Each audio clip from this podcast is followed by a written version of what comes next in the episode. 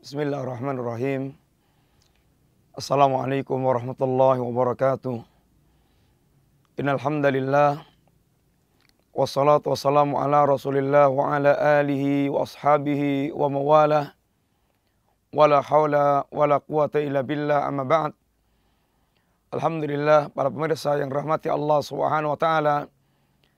Kembali kita berjumpa dalam kajian silsilah akidah akidah al-sunnah wal jamaah, akidah Islam, akidah warisan Rasulullah SAW, akidah al-firqah najiyah. Kita insyaAllah masih melanjutkan pembicaraan tentang syurutu la ilaha illallah, syarat-syarat kalimat la ilaha illallah, agar kalimat yang kita ucapkan menjadi kalimat yang bermanfaat ketika kita menghadap Allah Subhanahu wa taala dan agar menjadi miftahul jannah menjadi kunci sorga. Karena tanpa dipenuhinya syarat-syarat tersebut maka tidak akan kalimat ini menjadi miftahul jannah. Sebagaimana para ulama telah mengungkapkan tentang hal yang demikian.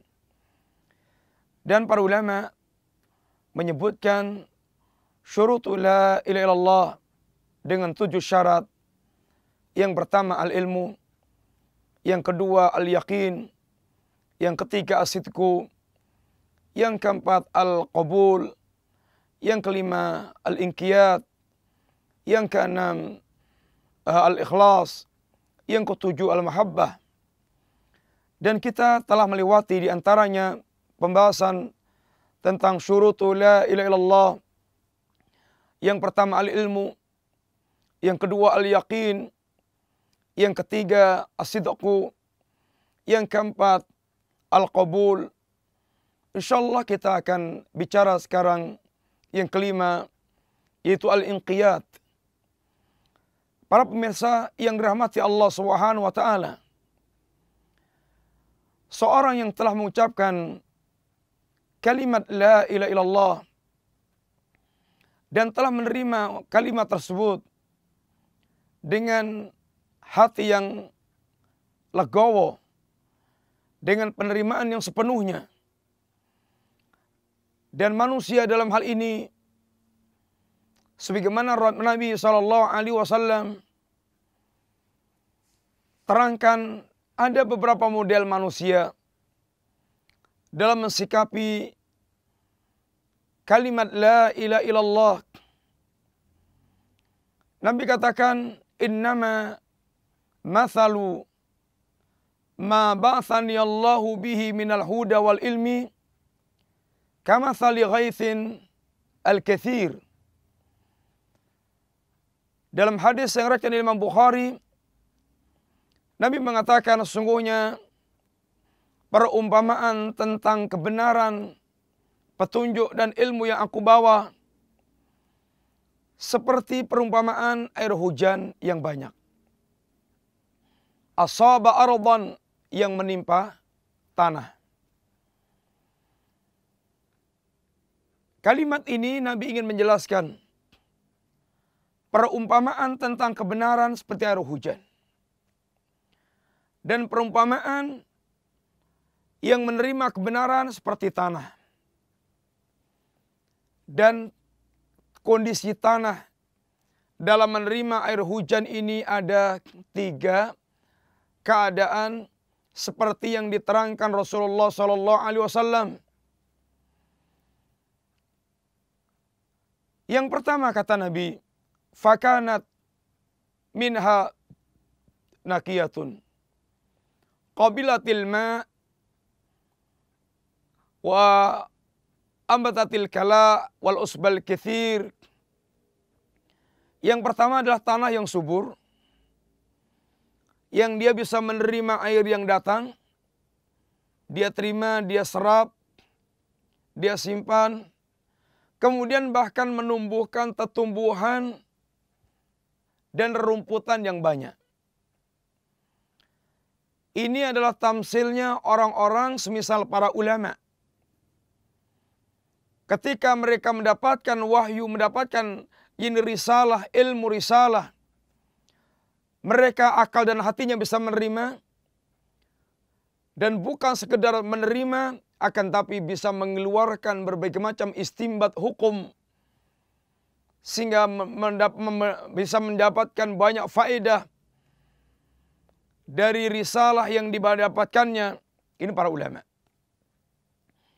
Kelompok yang kedua wakanat minha ajadib. Di antara mereka pun ada tanah yang tandus. Akan tapi tanah yang tandus ini amsakatil ma dia tanah yang bisa menampung air. Wa nafa'allah biha annas. Wa nafa'allahu biha annas. Dan Allah pun menjadikan tampungan air tersebut bermanfaat bagi manusia. Fasharibu, fasharabu, wasakau, wasara'u. Ada yang mereka mengambil untuk diminum. Ada yang mereka pakai untuk mengairi. Ini untuk ini meminumi ternaknya.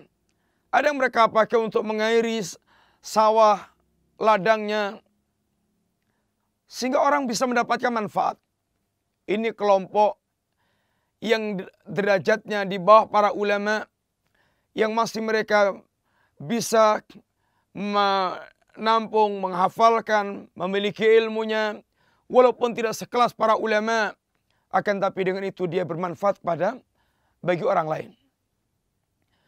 Kelompok yang ketiga yang paling buruk wakanat minha wasabat minha taifatan ukhra dan kelompok lain yang menerima kebenaran tersebut adalah wayaqian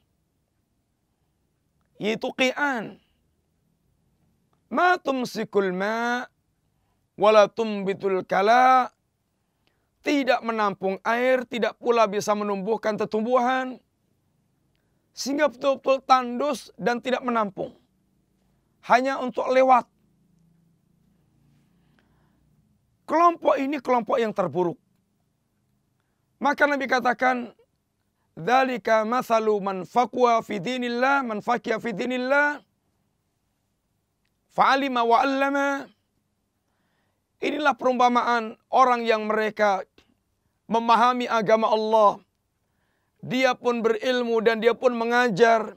Ini ini perumpamaan kelompok yang pertama dan kelompok yang kedua. Dengan perbedaan tingkatan antara keduanya. Mereka Allah berikan kefakian agama. Mereka Allah berikan kemampuan untuk mengajar. Mereka Allah berikan kemampuan untuk mereka berilmu dan mengajar.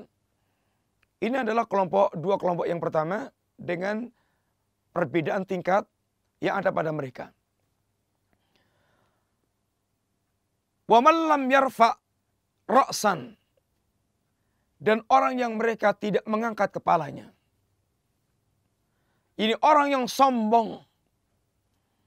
Orang yang mereka menyombongkan diri dari kebenaran yang datang. Walam yakbal hudallah dan mereka tidak menerima petunjuk Allah. Ini kelompok yang ketiga yang buruk. Ah, kelompok yang dua mereka lah Orang-orang yang memiliki sifat istislam, mereka memiliki sifat al-inqiyat, mereka menerima dan mereka mewujudkan kebenaran yang datang. Ketika menerima kalimat la ilaha illallah maka mereka menerima dengan lega hati dan mewujudkan dengan amalan badan mereka. Dan ini merupakan sifatul mukminin yang apabila mereka tidak menerima dan kemudian tunduk dan patuh dan melaksanakan maka mereka bukan mukminin.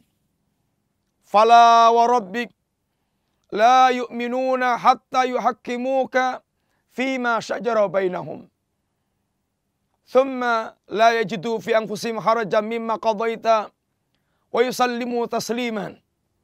Demi Allah Rabbmu, tidaklah mereka dikatakan beriman hingga yang pertama mereka memiliki kesanggupan untuk bertahkim terhadap Rasulullah sallallahu alaihi wasallam. Yang kedua, tidak didapatkan di hati mereka perasaan berat untuk menerimanya. Yang ketiga, mereka tunduk patuh setunduk-tunduknya, sepatuh-patuhnya. Al-inqiyad wal istislam. Dan inilah pemilik agama yang terbaik kata Allah SWT. Wa man ahsanu dinan mimman aslama wajahu ilallah wa wa muhsinun. Siapakah yang lebih baik agamanya dibandingkan dengan orang yang mereka tunduk, patuh, pasrah kepada Allah.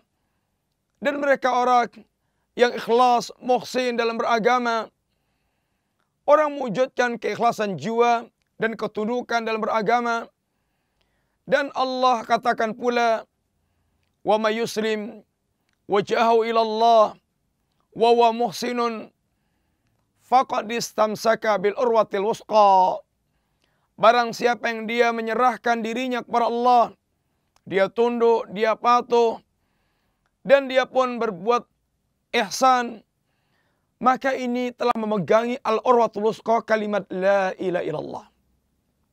Dia tunduk, dia patuh, dia wujudkan apa yang Allah kendaki, maka ini orang yang betul-betul telah memegangi kalimat la ilaha illallah. Para pemirsa yang rahmati Allah, oleh karena itulah bagaimana Allah Subhanahu wa taala menuntut kita agar betul-betul kita menjadi seorang yang tunduk dan patuh kepada kebenaran yang datang kepada kita. Kita menerima kalimat la ilaha illallah dan wajib kita tunduk pula dengan semua yang terkandung dalam kalimat la ilaha illallah sehingga tidak pantas kata Allah seorang yang mereka mengaku mukmin akan tapi ketika telah datang tuntutan iman, dia tidak ada ketundukan dan kepatuhan. Justru dia mengikuti dan memilih keinginan hawa nafsunya. Wa ma kana li mu'minin wala mu'minatin idza qadallahu wa rasuluhu amran ay yakuna lahumul khiyaratu min amrihim. Sangat tidak pantas mereka mengaku mukmin baik laki-laki atau perempuan ketika telah datang pilihan Allah yang harus kita pilih dan pilihan Rasulullah yang harus kita pilih dan Allah dan Rasulullah telah memilihkan untuk kita sebuah keputusan kemudian kita ternyata masih memiliki pilihan lain dari pilihan Allah dan Rasulnya.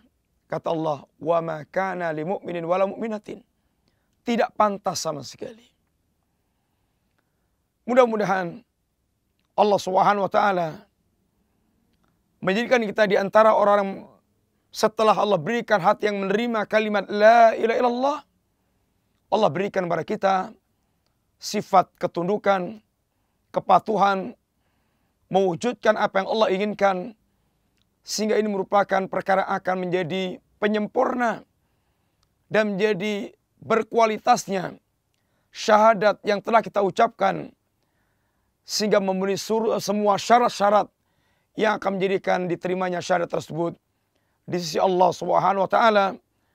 Mudah-mudahan apa yang kita sampaikan bisa difahami dan diterima dan mudah-mudahan Allah membuka hati kita semuanya hingga kita menjadi alul iman, alul istiqamah dan berakhir dengan husnul khatimah. Wassallallahu ala nabiyyina Muhammadin wa ala alihi wa sahbihi wasallam. Assalamualaikum warahmatullahi wabarakatuh.